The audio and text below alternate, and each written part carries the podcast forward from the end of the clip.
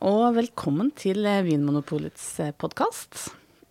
I studio i dag så sitter Niklas Lundmark og Anders Stuland. Og jeg heter Anne Engrav. Hei. Hei. Hei. Hola. Hola. I dag så skal vi jo snakke spansk. Nei, vi skal ikke det. Vi skal snakke argentinsk. Det skal vi heller ikke. Vi skal snakke om Argentina. Vinlandet Argentina. Det viktigste som vi kommer på å snakke om eh, i den sammenhengen. Mm. Mm -hmm. Vi må begynne med hvor Argentina er, tror jeg. Da, og da har jeg lyst til å si at det er på andre siden av eh, jorda. Er det det? det omtrent? Ja. ja. Grovt, grovt regnet. Et stort land i Sør-Amerika eh, som da har én eh, en kystlinje ut mot Atlanterhavet. Og så ligger det landet da liksom, med ryggen inn mot eh, Andesfjellet. Ja. Denne fjellkjeden med veldig høye fjell. Med Chile på andre siden av fjellet. Ligger i skje med Chile. Mm. Ja. Og det er nesten eh, trekanta landet. Mm. Som ja. Tenk det. Et trekantet land. Som ligger i skje med, med Chile. Ja. Og det er, det er, et stort land, og eh, vinområdene i Argentina de eh, strekker seg eh, Det er over 2000 km fra nord til sør ja. Eh, når vi snakker om vinområdene. Og så er jo landet enda lengre enn det også. Ja, ja. det er det. Det er stort land, altså. Og da, det skjer jo mye klimamessig eh, på de 2000 km. For helt i nord så er det tropiske forhold. Mm. Og i sør så er det da mye kjøligere. Ja, sånn Grovt sett så kan man si at eh, Argentina, som et stort og variert land, allikevel bare kan deles inn i ørken, fjell, pampas og regnskog. Det sier noe om liksom, klimaet. Det er ganske sånn ekstreme forhold, egentlig. Ja. Og kanskje ikke det første man skulle tenke på å dyrke der, var uh, vindruer til uh, vinproduksjon. Nei, og så er det jo i fjellområdene og ørkenområdene de lager vin. ja, det er litt spesielt. Og det med fjellområdene, det, det, vet jeg jo hvorfor. Og det er jo fordi at jo høyere opp du kommer, eh, jo kjøligere blir det jo. Så det er en måte å håndtere det at det kanskje er ligger på en breddegrad hvor det er eh, veldig varmt. Hvis du er for langt ned, mm. men beveger du deg opp, så blir det kjøligere.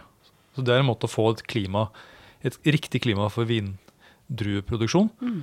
Eh, men hvorfor de anlegger vinmarkene i eh, ørkenen, det men, men, de gjør vel ikke det? De ligger ikke vinmarkene akkurat i ørkenen. De ligger det i dalførene i ja. ørkenområdene. Mm. La oss kalle det oaser. Ja.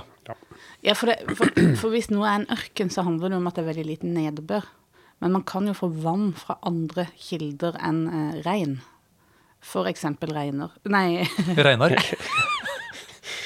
For eksempel elver. Ja. For de har jo vann i form av smeltevann fra Andesfjellene. Ja. Ja. ja. Og det er jo det geniale. At der oppe er det da et, et eh, reservoar av eh, vann i, i fast form som, som, smelter.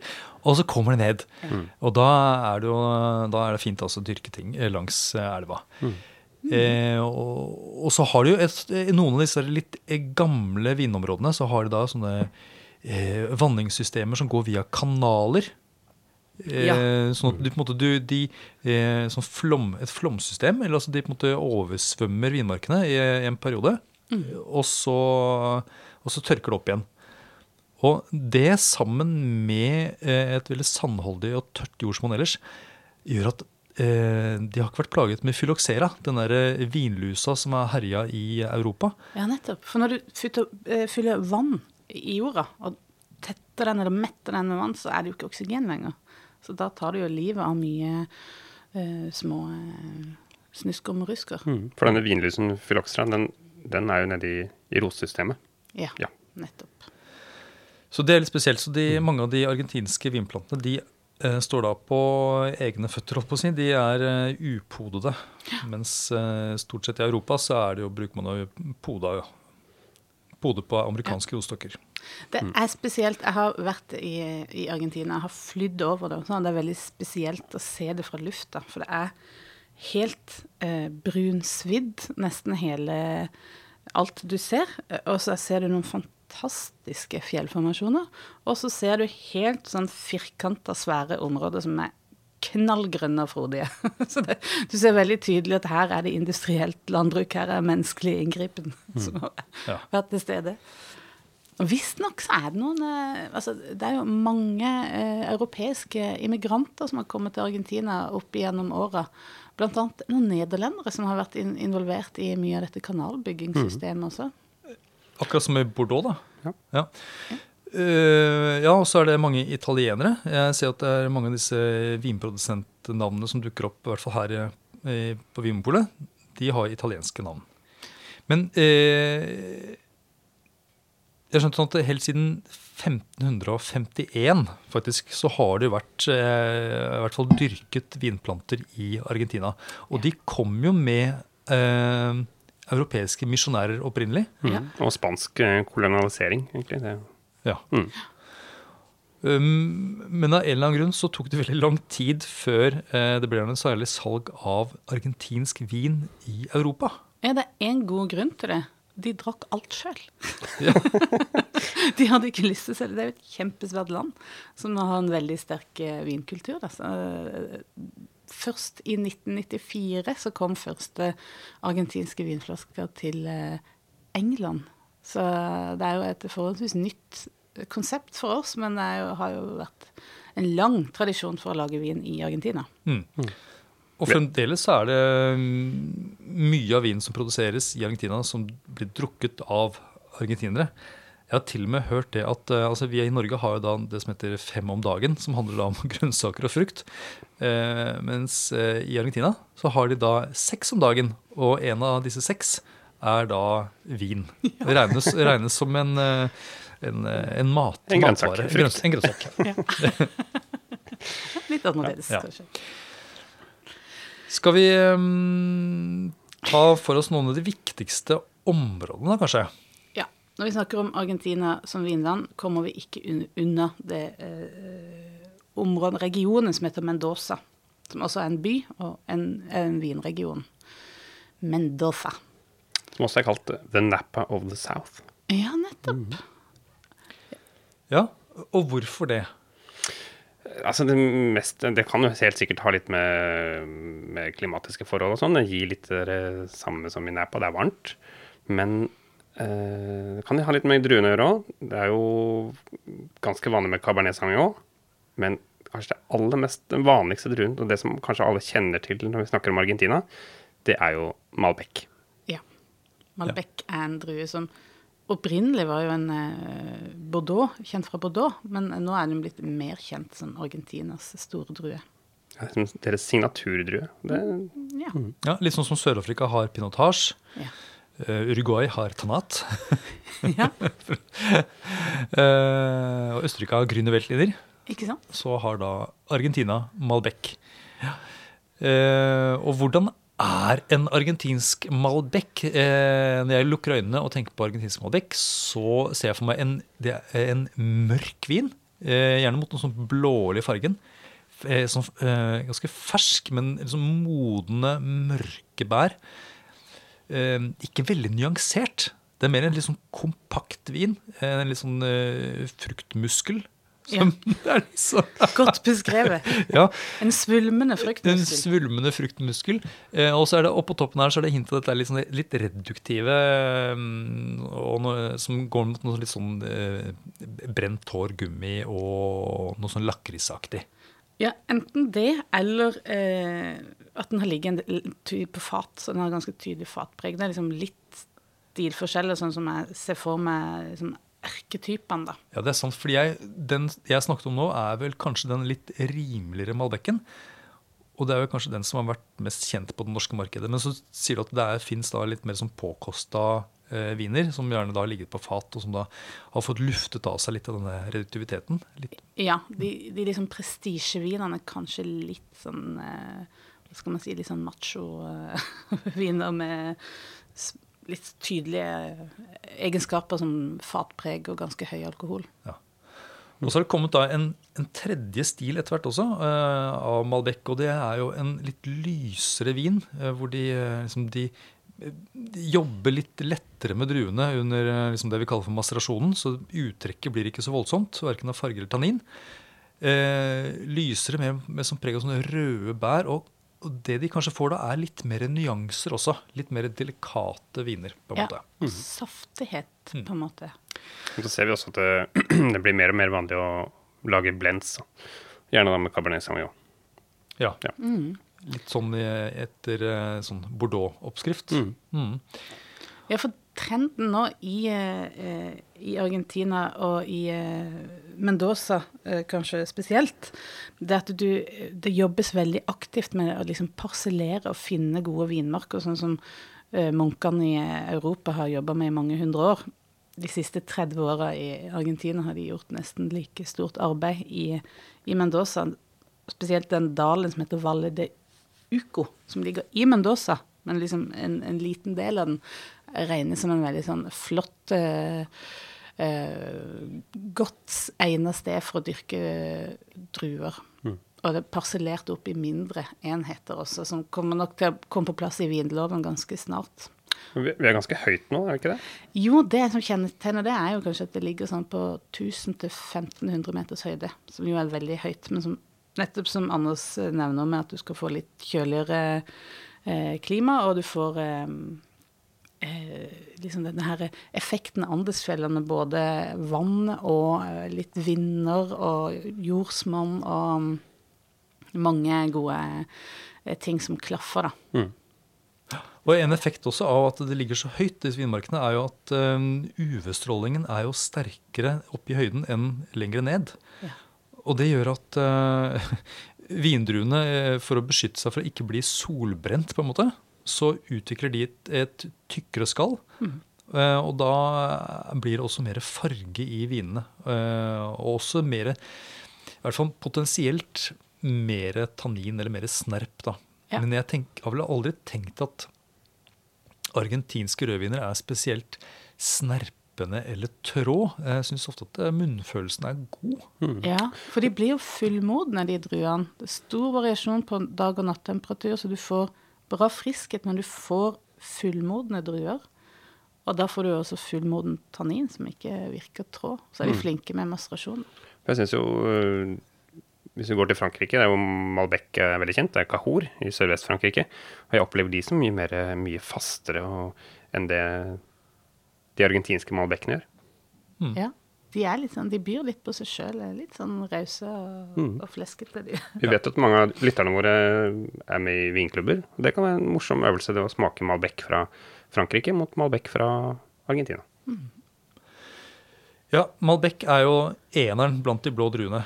Men så satses det jo litt på Cabernet Franc, eh, som gir noe med litt sånn Nesten mer, sånn, mer sånn hint av noe som tobakk og paprika eh, i, i vinen. Litt, kanskje litt mer mot noen rød bær også. Ja.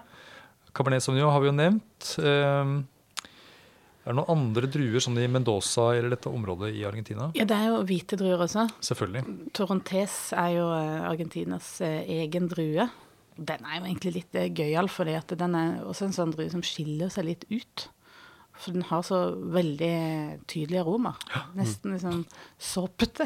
Ja, det er nesten sånn at jeg ser for meg at dette her er eh, Hvis alle druene er på fest De europeiske druene de liksom snakker litt sånn sivilisert, litt sånn rolig og stille. Og så kommer da Torontes, den latinske eh, Ja. druen, kommer da og snakker litt høyt. Ja, Og har spraglete bukser på seg. Mhm. Og, Skal er, danse tango. ja, og, er, og skammer seg ikke over det. Og det har den heller ikke noe grunn til. For det, det er morsomme viner. Eh, tydelig fruktighet som går i retning av sånn tropisk frukt. Så hvis du liker eh, gewürztraminer eh, eller viner laget på muskatelldruen, og sånt noe, så kan jo Torontes være noe. Men de er jo ofte, eller som regel, tørre, da, disse argentinske Torontesene. Og gjerne litt mer friskhet enn det type gewürztraminer. Litt mer aromaprofilen som gewürztraminer, men litt mer syre. Ja. Ja. Veldig god til eh, type sånn aromatisk mat, sånn som man ofte finner i Asia. Om det er om det er thai eller om det er vietnamesisk, skal jeg ikke mene så mye om, men altså aromatiske Hva med litt sånn søramerikansk eh, ceviche og litt sånn? Oh yes. Oh yes. Torontes, eh, altså Mendoza eh, bruker Torontes, men så er det også eh, Salta, eh, en region som ligger da lenger nord Ja. eh, for, eh, for Mendoza. Og nord blir jo sør i Argentina, på en måte. Mm, ja, sånn ikke effekten klimamessig. Ja. ja. Så da er det enda varmere, eh, selv om vi beveger oss nordover.